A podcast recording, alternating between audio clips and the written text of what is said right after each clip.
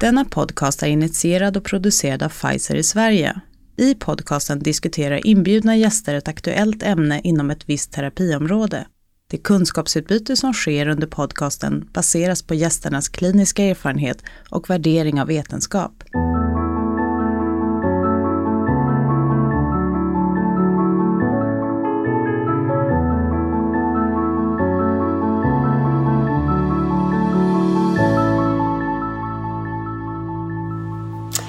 Välkomna till Pfizers hjärt-kärlpodd eh, som riktar sig till vårdpersonal.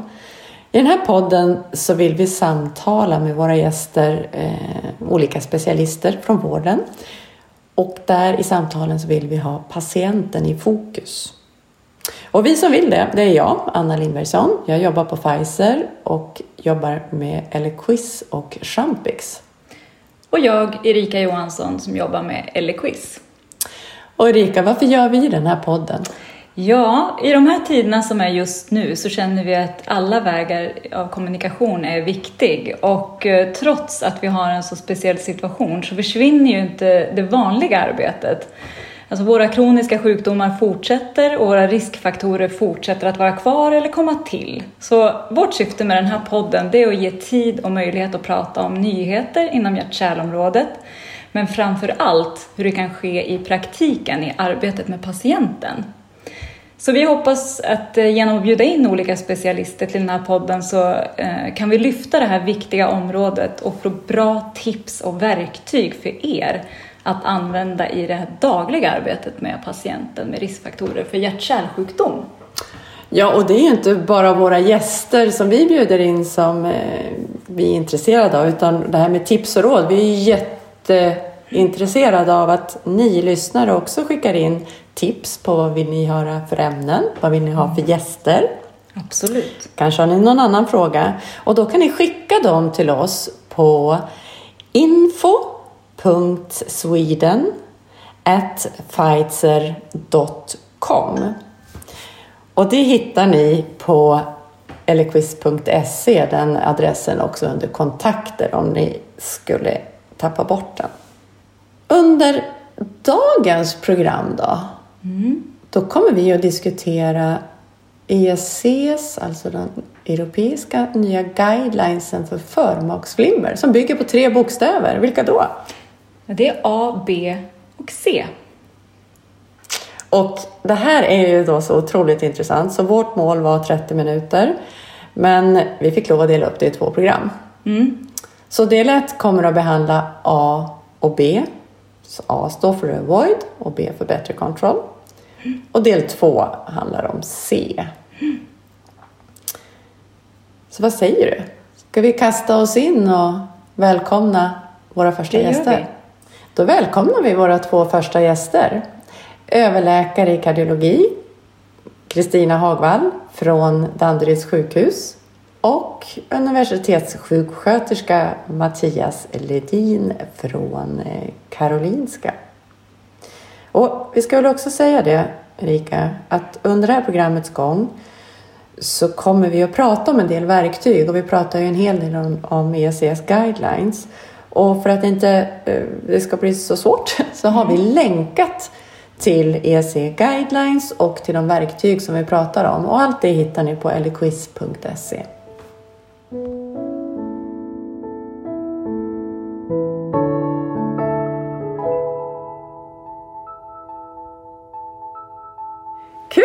Mm. Då rivstartar vi med en riktigt stark uppsättning av specialister. Välkomna Kristina Hagvall och Mattias Lidin. Tackar, tackar. Tack, tack. Kristina, ska du börja presentera dig? Ja, du sa mitt namn, Kristina. Jag jobbar på Danderyds sjukhus på hjärtkliniken. Där jobbar jag på mest med arytmier, framförallt förmaksflimmer. Och det har jag gjort i ganska många år nu. Sen jobbar jag också på Hemostascentrum som är våran mottagning för folk med blodförtunnande läkemedel eller tromboser eller blödningsproblem framförallt. Och så jobbar jag faktiskt en hel del på KI. Jag har en egen kurs, en mm. akutkurs för student, läkarstudenter. Kul! Och Mattias? Jag heter Mattias. Jag är sjuksköterska. Universitetssjuksköterska har jag blivit. Det betyder att jag både forskar och utbildar och jobbar kliniskt. Alltså, jag jobbar kliniskt mest med hjärtinfarktspatienter men med mycket fokus på livsstil, levnadsvanor. Jag forskar livsstil, levnadsvanor, lite hjärtinfarkt där. Föreläser väldigt mycket. På, vi sa att jag jobbade på Karolinska. Okej, okay, vad bra att säga.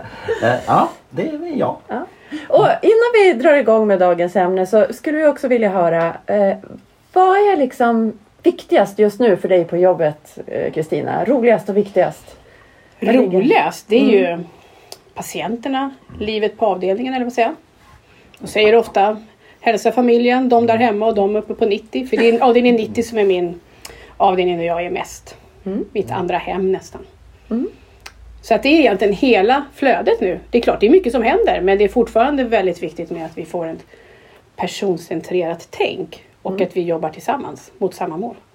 Bra, tack. Och du Mattias? Vad, eh, Det ordet gillar jag verkligen, personcentrerat tänk. Så jag tänker Ja. haka på det lite. Men jag tänker också säga att jag tror att det är viktigt. Jag tycker det är roligast att jobba med patienter, absolut. Men också se och forska lite på de här patienterna och se att, att, att det, det blir som evidensen säger. Det känner jag är viktigt. Och framförallt att få med det här med livsstil och levnadsvanor och hälsosamma, ett hälsosamtal in i hela. Det brinner jag för på, i mitt jobb. Det här att se, funkar det verkligen på Fun- riktigt? Funkar det verkligen och gör de som vi säger och vill de göra som vi säger? Och hur får vi dem att göra som vi säger? Och är det det bästa det vi säger eller vet de något bättre? Precis, det är ju jätteintressant för det är det vi kommer att prata mycket om idag. Och hur får vi dem att göra det som är bäst för dem att göra? Ja. Patienten alltså. Bra, eh, då kör vi! Ja, det tycker jag. Och eh, vi går tillbaka till det vi sa inledningsvis här, Anna, tycker jag, om eh, de här nya guidelinesen som har kommit från EEC inom förmaksflimmer, ABC. Och eh, den första frågan som vi var lite nyfikna på, det är vad innebär de här nya riktlinjerna ABC egentligen i praktiken? Jag tycker att det, att det liksom bekräftar lite det man har tänkt och som ännu egentligen fanns med redan i de gamla guidelines om man får säga så. Men att det här är mer tydliggjort på ett annat sätt. Och att det blir ett holistiskt tänk. Vi tänker både strokeprofylax, vi tänker både symptomlindring, för jag tror att det är A och O också för att speciellt hos en person med ett permanent flimmer, att om man, inte, om man inte känner av sitt flimmer, kan göra vad man vill, befinner sig i era score 1, alltså helt asymptomatisk. Man kan inte säga om man har flimmer eller ej, man kan göra Livet påverkas inte. Då tror jag att man har alla förutsättningar för att det här är ett flimmer som kommer fortsätta ligga bra. Man kommer kunna må bra och man kommer inte få så mycket fys- patofysiologiska effekter av det flimret. Så det kommer in på det här med B, bättre symptom. Och sen har vi då den, ytterligare en väldigt viktig faktor, och det är det C med komorbiditet. Att vi också tänker på alla riskfaktorer utöver det. Så jag brukar säga till mina patienter om vi, du spelar dina kort väl och jag ska hjälpa dig att få ordning på alla dina riskfaktorer. Och vi har, om allting är bra och du mår bra och inte känner av det här och vi har tagit häns, höjd för allting. Då tror jag att du kommer dö med det här och inte av det. Och du kommer inte, vara- det är inte säkert att det kommer direkt förkorta ditt liv heller. Under förutsättning att allt, vi tar höjd för alla parametrar. Och det är klart, det inkluderar ju även det här med livsstil, kost och motion. Absolut. Och där jag är ute och pratar även med mina studenter överhuvudtaget, även när jag pratar med andra, att liksom man får tänka liksom sekundärprevention. Det är ganska skönt egentligen, har ju blivit mer och mer, att vi kan tänka sekundärprevention oavsett om det rör sig om stroke, hjärtinfarkt, flimmer eller whatever. Man kan tänka samma, liksom bocka av samma lista liksom. Puls, blodtryck, kost, motion, whatever.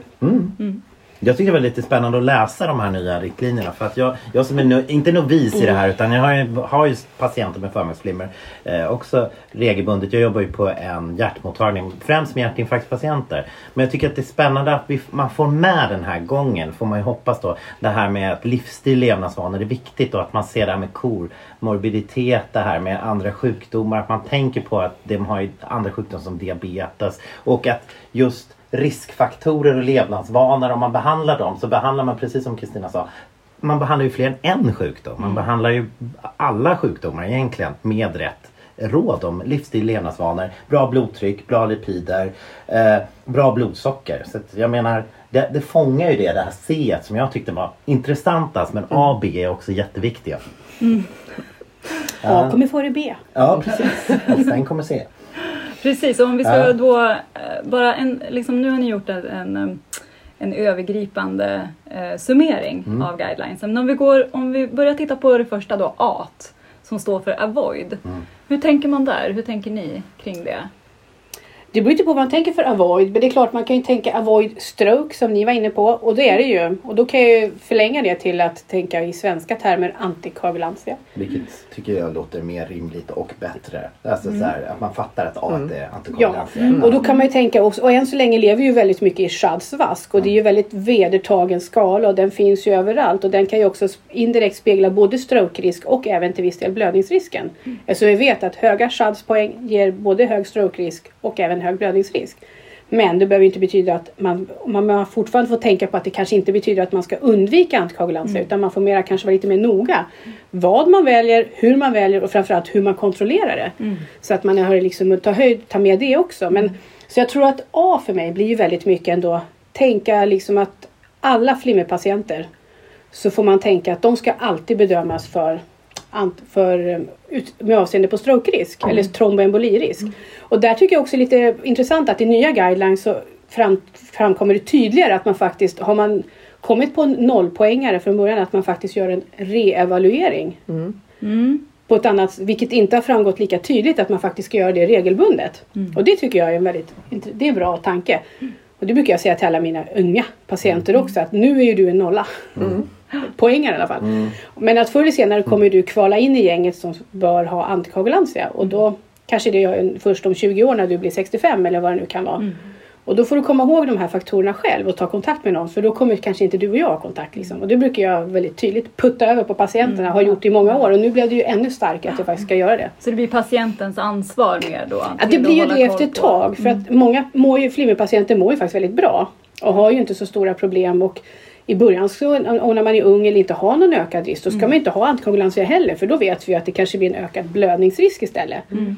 Men när, förr eller senare så kvalar ju alla in Mm. med ålderns rätt i gänget som bör ha antikoagulantia. Och då får man ju tänka att har man inte tid blivit sjukare än bara att man blir gammal höll jag på att säga, så får man ju tänka att då kanske man i alla fall. För vi vet ju även från andra studier att åldern och tidigare tromboemboli eller stroke är ju ändå de största riskfaktorerna. Som ändå är tillräckligt stora för att den Är ett ganska poäng, friska. är ett poäng tillräckligt för att starta Nu en är, det behandling? ju, nu är det ju så att man får tänka på att de här poängen är lite olika. Ja. Åldern är ju en kraftigare poäng än vad till exempel hypertoni är. Eller för att tala om den lilla bubblan kvinnligt kön som ligger som en slasktrast. Ja. Liksom Ja, sådär. det jag Men det är ju så att enpoängen, om man är, jag har många nu som när jag brukar säga till folk där det är enpoängarna som kanske har hypertoni eller något sånt där. Då brukar jag tänka mera då får man gå utanför boxen du kan tänka, och liksom kolla vad tycker den här personen själv. Vissa har ju ett jättespöke i att då få en stroke. Andra har ju erfarenheter av blödningar och då hamnar man ju att man måste liksom titta vad är det som gör den här personen. Och sen när det blir en högre strokerisk, vi säger att det blev ett blodtryck och så fyllde man 65 och sen kanske man till och med fick lite högt blodsocker eller något sånt. Då kanske man också landar i att då blir det ju tydligare att här har du klar fördel. Men så länge man ligger på enpoängen då är det nog lite mera som två vågskålar. Att det nästan väger lite. Det kan vara lite andra saker som påverkar. Att, och då får man tänka vilken vågskål är tyngst. Blod, blodproppsrisken utan antikoagulantia eller blödningsrisken med. Och det är väl precis som det Mm. står, överväg Ja. behandling. Mm. Och det kan man ju se även hos våra vänner på Socialstyrelsen. Att det är lite lägre rekommendationsgrad för enpoängen jämfört med två tre poängen. Jag har en fråga då till dig. Nu börjar jag ta över från er. Varsågod. jag har en fråga då till dig. Då sitter jag som... För jag tycker det, du säger en väldigt bra sak här med delaktighet från patienten. Att patienten ska vara med själv och ta hand om sig själv och vara med. Eh, jag tycker det lät smart det där du sa om vad heter det, att man ligger på noll i chatsvask och helt plötsligt blir man en etta eller kanske inte av en tvåa. Ska man själv gå till doktorn och säga men du nu har jag högt blodtryck eller hur känner du där? Är vi sköterskor? Ska vi hjälpa till med Ni på kan, något sätt? ni eller? kan säkert hjälpa till men jag tänker många av de här personerna de träffar nog varken doktor eller sköterskor. Nej. För de har nog inte kontakt egentligen med någon. För Nej. vissa kanske inte ens har några läkemedel alls. Nej. Eller så har de någon liten Celoken vid behov Ja. om det händer något. Och då kanske de är så otroligt sällsynta deras besök. Så Ja. Det är då jag tänker att de måste hålla lite koll själva. Så Ja. att de kan liksom, liksom själva tala Mm. om att nu har För det, det kan ju vara så att har man haft ett flimmer när man var lite yngre och så har man gjort grejer. För jag lever ju fortfarande i den tron att en gång flimmer alltid flimmer förr eller senare Mm. igen. Så även om någon har varit, haft flimmer för jättelänge sedan eller kanske gjort till och med en ablation eller någonting så finns ju ändå risken att det kommer att dyka upp förr eller Precis. senare. Så jag tänker, har man flimmer Då man är det, då får man tänka utifrån chadsvask, bör jag ha antikoagulantia eller ej?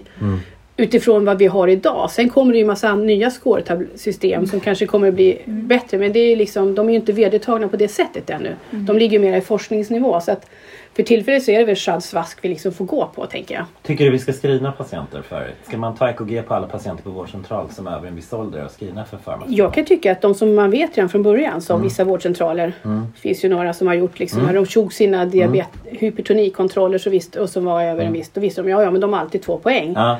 Och de har ju lyckats väldigt bra. De har ju hittat väldigt många Ja. och då tycker jag det kan finnas en fördel. Sen tycker jag ju att kommer någon för en hypertonikontroll så tycker jag ändå man ska ta ett EKG. Men det är en annan det femma. det är vi som jobbar inom hjärtsjukvården som Ja men så det. gjorde jag Ja. även i min tid i primärvården faktiskt också. Så Och det, mm. För jag tror att det kan finnas, för det är inte så, det är en billig och enkel och ofarlig undersökning. Absolut. Exakt. Absolut. Och det går ganska fort när man får rutin på det. Ja. Så jag tror att det, Och man letar på rätt ställe. precis, det är rätta personerna som får. Mm. Hoppa tillbaks till en grej som du var på väg in på där Mattias. Du Mm. nämnde kvinn, så långt kom du. Men kvinnorna och den där en poängen. Men Kan jag vi tror, inte jag tror reda ut Kristina var den? inne på det. Med Ehm. att vet du, en poäng av kvinnor. Abs- Ja, Alltså, nej, men kvinnligt kön i sig är ju inte... Om man bara är kvinna, då räcker det inte. Men om man börjar bli kvinna och få lite mer. Och där är ju också väldigt, guidelines väldigt tydliga. Både guidelines och, och eh, kanske mera guidelines än Socialstyrelsen. Men att just man behöver ha tre poäng som kvinna för att verkligen ha en starkare indikation än mannen som har två poäng. Och det beror ju på att kvinnan kommer ju som en bubblare.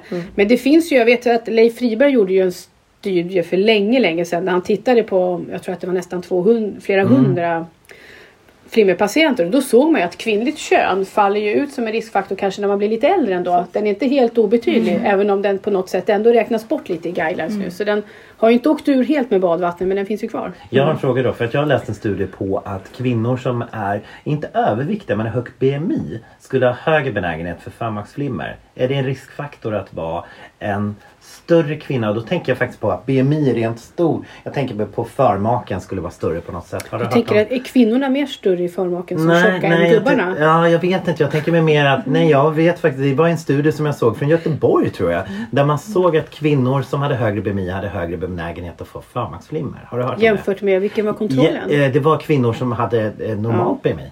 Det kan man veta, ja men det vet vi ju att övervikt, fetma, Ja. triggar ju flimmer. Men sen om det skulle vara just hos kvinnor eller män, den I det här fallet var det kvinnor, men Men var varför. gubbarna med i studien? Nej, det var kanske därför det var inte...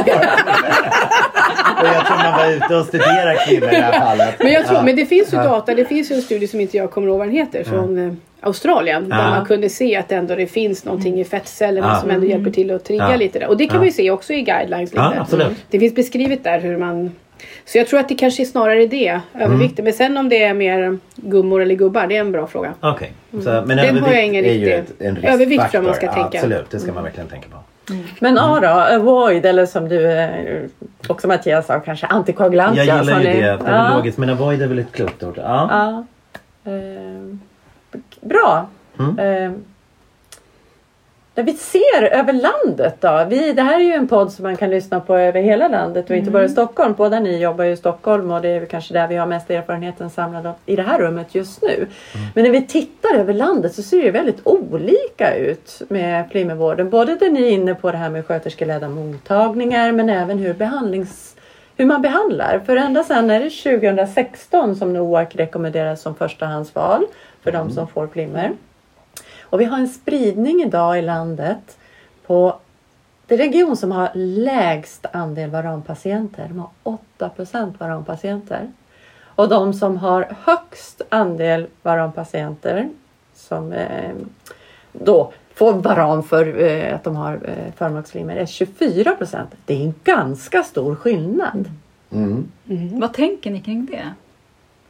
Ja, men alltså, Sverige är ju inte direkt ett uniformt land. Nej. Vi är ju väldigt olika var man bor. Regionerna ser ju jätteolika ut. Jag menar, Norrland är ju mycket mer glesbefolkat. Här sitter vi ju mera på varandra. Så att jag tror att det finns väldigt mycket. Vi är liksom inte... Det är till och med så man kan ju gå till humor.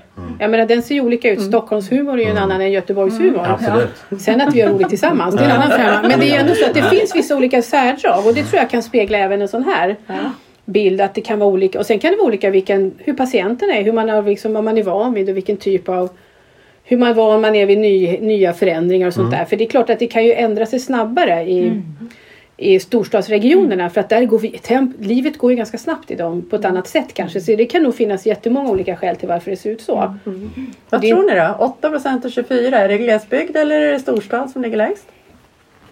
Jag vet jag skulle nog inte våga chansa på det för där känner jag mig att jag bollar snabbt över till dig. Men Ja, alltså det, kanske är, det kan ju finnas flera skäl till. För jag menar i glesbygd så kanske man är mera och i vissa lägen då kan det ju vara så att man har, har liksom mera, en, en, mera samstämmiga med hur man till exempel vilka som ordinerar varan till exempel eller vilka som gör det. Att det kanske är mera man har mera samarbete då mot det sjukhus eller vad det kan vara om det är en mindre region som jobbar mot ett sjukhus. Tar man den här stan så är det ju jättespretigt. Vi har ju en annan kollega till mig som brukar säga att Stockholm är ju ett svart hål när det Ja. gäller varanbehandling just för att det var så otroligt spretigt när det var varenda liten vårdcentral satt och körde sitt. Liksom. Så att, varenda, att det var ingen riktig samsyn, att vi körde väldigt olika allihopa. Så det kan ju också påverka vem det är som har 8 och vem som har 24 procent. Men vad rent, lo, rent logiskt om jag tänker så här. Det borde väl vara ändå 24, eh, 8 procent borde väl vara varanet och, och eh, i så fall tror jag 24 procent av det andra. Men jag, Nej men alltså 8, 8 procent. Ja. Det är en Det är den lägsta reg- andelen. region som har lägst Ja, andel är varanpatienter. Ah, Ja. och 24. Nej, men det var Och så. 24 är men den högsta andel men då tänker jag varan. mig att varan eh, förhoppningsvis om de förstår så skulle jag vilja säga att landsbygden borde väl ha 8 och storstaden 24 med tanke eller på ja, Ja, med avstånden och så Ja. vidare så borde det avstånden vara och enklare. hur, hur ofta man Just- tar blodprover. just för och patientens skull. Ja, Precis. absolut. För, Mm. för bekvämlighet. Sen är det ju frågan om vad patienten har stått på innan också. Mm. Lite sådana saker. Så det är en diskussion. Personcentrerat även här. Ja, man ska. Mm. lyssna vad patienten vill. Ja. vet jag att du ofta gör Kristina. Mm. Det ska vi komma in på. Fråga, absolut. Mm. Det kommer vi in på sen. Men det är ju jätteviktigt. Men har ni svaret? Ja, vad tror ni Stockholm ligger? Kan ni höfta en siffra mellan 8 och 24? Det var ju länge sedan vi kom över 80 procent i populationen. Så. Nej, Jag vet, ja, vi har det var ju länge sedan vi gick om med varanbehandling, gick om, eller NOAC-behandling gick om med varan. Men att eh, jag vet inte, jag kan tänka mig, eh, för flera år sedan då var det ju mer vanligt med varan längre norrut än vad det var längre söderut. Och de som var mest på var ju vårt sydligaste län, tror jag, Skåneland va? Var inte de? Halland. Ja, då för flera år sedan. Näst. Det- Nu pratar vi jättelänge sedan. Mm. Halland var de, ligger fortfarande där. ja, Halland, Ja, Halland och det Västmanland de, var först ja. på NOAC-spåret. Mm. Men jag tror att de var ganska snabba med att få upp det liksom i stora volymer liksom, på den sätt. Men hur det egentligen ser ut idag, det har jag inte riktigt äh, Halland, Väst, uppdaterat mig med. Mm. Halland och Västmanland eh, ligger i topp Mm. fyra. Eh, alltså de ligger runt 8-10 procent. Mm. Eh, och eh, våra norrlän ligger runt 24. Mm. Med varann Mellan alltså? tju- Mm. Västernorrland, Västerbotten, Norrbotten ligger mellan 21 och 24. Eh, Östergötland ligger där runt 24.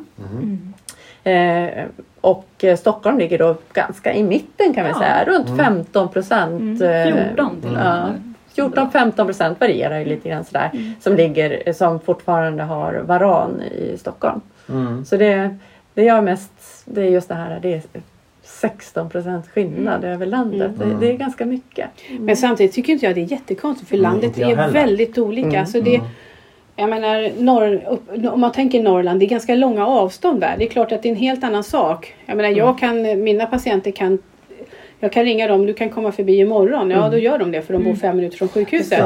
Men bor man 20 mil från sjukhuset som man kanske kan göra på andra ställen. Det är klart att det inte är lika lätt då kanske. Men alltså att jag tror att det kan, så det är jag inte jätteförvånad att det kan vara sån här stor skillnad. Är det ju så, vi norrlänningar klarar ju oss oftast Ja. själv. Eller hur Erika? Absolut. Och sen, jag, sen kan måste jag säga att jag kan tycka att det är lite positivt att det är sån spridning. För det speglar ju, kan ju om man, har, om, det, om man tänker positivt, spegla att det faktiskt är delvis patientens val som ändå ligger bakom Som jag vad man säger, har. Jätteviktigt. Ja, och det tycker jag också. Ja. Och framförallt tycker jag det är så bra Varan har funnits jättelänge. Det är ett gammalt läkemedel och det finns otroliga mängder erfarenhet att ösa ur. Även om det också har sina baksidor. Men det är just det här mångfalden. Och därför är det så härligt att det finns många NOAC också. För då finns det alltid, för jag har ju många patienter som har tröskat igenom hela högen innan de har hittat en de, är nöjd, de tycker de är nöjda med. Liksom. Och att det finns liksom för alla sorter. Ja, du vill ha en gång om dagen. Nej, men du vill ha två gånger om dagen. Ja, men då kör vi så här. Det är liksom lite skönt att det finns så många varianter. För jag tänker på det här med patienten ska vara mer involverad i sin, liksom, i sin sjukdom generellt sett men även i behandlingen. Eh, om, låt säga att vi har en patient som har stått på varan i 30 år och är nöjd med det och är hyfsat välinställd. Eh, om den patienten kommer till er och möjligen tar upp ett byte, eller tar ni upp ett byte då till om de ska ha NOAC eller ja, hur, hur, hur resonerar man där? Förstår Är man hur- aktiv i Alltså, i det jag gör ju så att om, jag kom, om någon kommer till mig och jag är ansvarig för anticoagulantia, Mm. då gör jag ju alltid en årskontroll. Mm. Och då innebär ju det också att kolla hur fungerar det här? Mm. Tycker du att det är bra? Eller är det så att du skulle vara intresserad av att byta?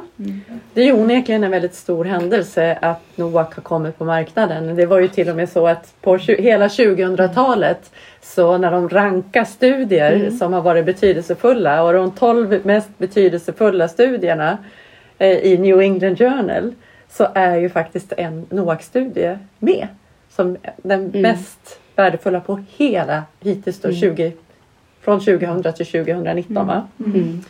Och det var ju Aristoteles då som av en händelse.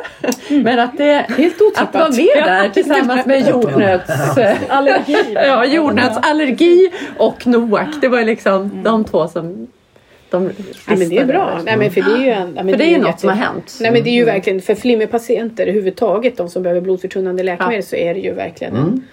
Fantastiskt att man har kunnat gå verkligen, att det lyckades till slut att hitta någonting som inte kräver de här kontrollerna. Utan man kan ha liksom på ett annat sätt.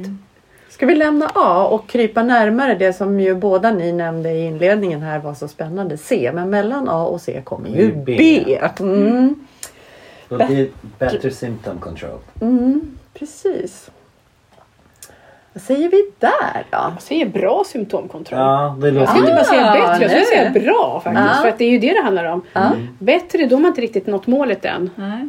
Men om den är bra, då har man nått hela vägen fram. För att målet är, ska ju vara att den här personen som vi snack, pratar om ska ju helst inte ha så bra symptomkontroll när flimret kommer, om det kommer, att man nästan inte kan säga om det är något flimmer eller ej. Nu vet vi ju självklart att alla absolut inte kan nå dit fram, men att det, man ska ändå ha det som mål. För det är väl då man hamnar också i det som vi tänkte tidigare här, att man kanske Även om vi inte har några direkt vetenskapliga data och lutar mig bak, tillbaka mot mer än de empiriska, att ändå att den som har ett väldigt asymptomatiskt förmaksflimmer som inte riktigt syns när jag undersöker patienten eller gör eko eller tar prover och sådär. Det flimret är nog ett snällare flimmer för den patienten. Sen är det ju en del som säger så här, jag har haft jättemycket flimmer nu men nu är det inte lika mycket flimmer längre. Och då kanske de egentligen, vissa personer tänker man snackar nog mera frekvens. Men att jag tänker mer att har man ett flimmer som hjärtat inte mår så dåligt av så är det ett bra flimmer om man tänker inom citationstecken så. Det är ett flimmer man kan leva med. Och det är nog inte någon, för det finns ju en del som ändå kör, kanske inte kommer först i kranskullan men det har ju de som och det kan ju bero på, som kört Vasaloppet och kommer med flimmer. Sen kanske det hänger upp med Vasaloppet att man fick flimmer för man var så vältränad. Men det är en annan fråga. Då kommer vi på nästa punkt. Ja, hur mycket är mycket? Ja. Ja, för mycket framförallt. Ja. Är lagom alltid bäst? Svarar jag. Kanske. Lagom är ja. För mycket och för lite skämmer allt. Ja. Ja, bra. Ska vi kasta oss in i det Jag viktiga tycker det. då? För se, där tror jag att vi har mycket att, att prata om. Ja. Jag kan inte jag hänga med lite? Ja, nu, är Nu ska du få ta, nu får du ta ordet här. Nu ska jag